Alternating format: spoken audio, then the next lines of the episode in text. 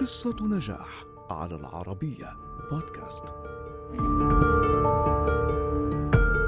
لها إطلالتها الساحرة كنجمة هوليوودية.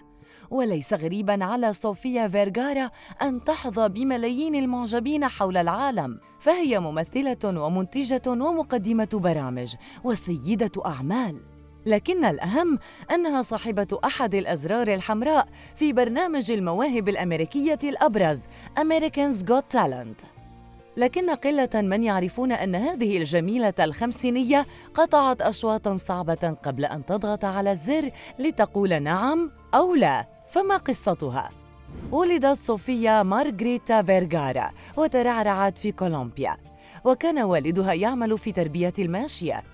خلال دراستها تعلمت اللغة الإنجليزية ورغم أنها درست طب الأسنان التقطتها عين مصور محترف وأخذتها إلى طريق عروض الأزياء.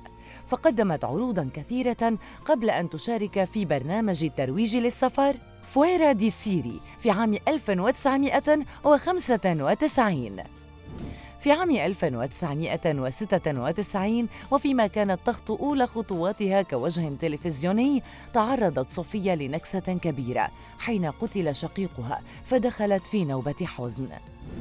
استمرت صوفيا في عروض الأزياء لكن أول أدوارها التمثيلية كان في فيلم الكوميديا الإجرامي بيج ترابل عام 2002 وبعده بعام كانت تؤدي أول أدوارها باللغة الإنجليزية في فيلم Chasing Puppy.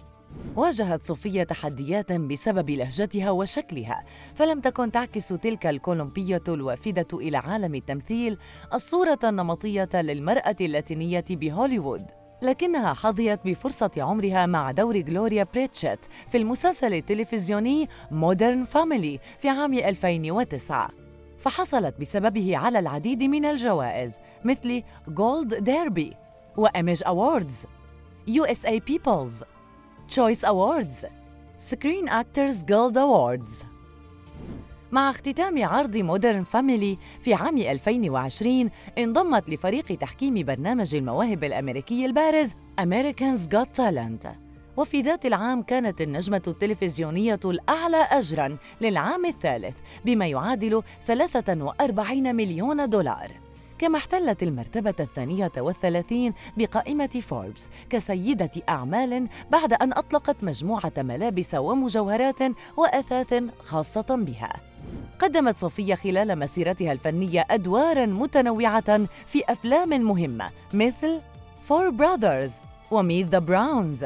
و Madea Goes to Jail و Hot Pursuit كما برزت كنجمة في الأفلام الروائية مثل The Smurfs The Three Stooges و Machete Kills وحتى إنها نجحت في أدوار لشخصيات صوتية في الرسوم المتحركة مثل Happy Feet 2 و Escape from Planet Earth تذوقت صوفيا النجاح مع تقديمها لأكثر من 27 عملاً، لكنها عاشت المرارة أيضاً، فعانت مع شقيقها جوليو بسبب تعاطيه المخدرات، وواجهت مشكلات قضائية مع خطيبها السابق نيك لوب.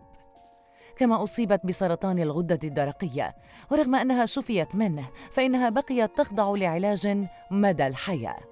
صوفيا التي كان من المتوقع أن تصبح طبيبة اختارت أن تكون وجها تلفزيونيا وشخصية مؤثرة وثرية. جمعت ثروة تقدر بنحو 200 مليون دولار.